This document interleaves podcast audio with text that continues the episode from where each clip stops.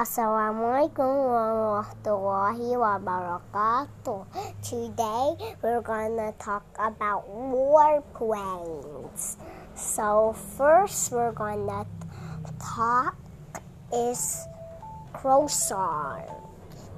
Corsair is blue and from America.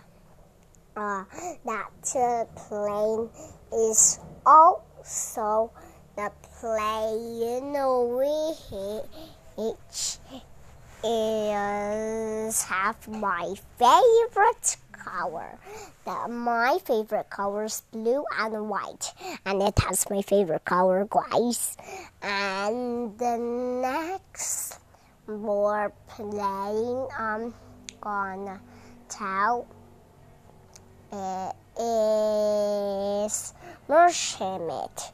This plane was used by Germany and it ever worked, but Americans made one Messerschmitt fail.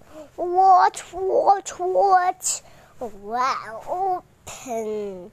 Next, I'm gonna tell is Stuka. Stuka is from Germany, and Stuka is also the plane which is kind of fat. Mm, it's small or medium somehow. This time, no, this war plane is also the war plane which is used in a war, but the war is in past, just like other war stuff.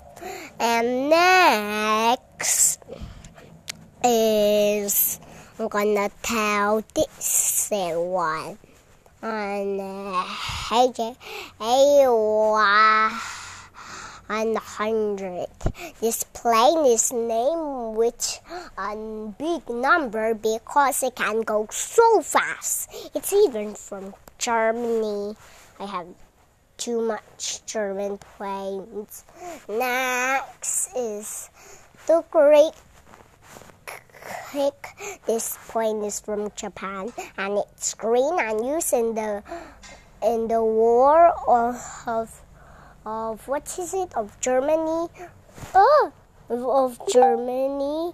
If he fight away it, it Japan and now um uh, and that's all. See you next time. Assalamualaikum warahmatullahi wabarakatuh. Everyone, don't forget to subscribe, like, follow, comment, share. If you want to see this description, press the description and know more more planes. Thank you.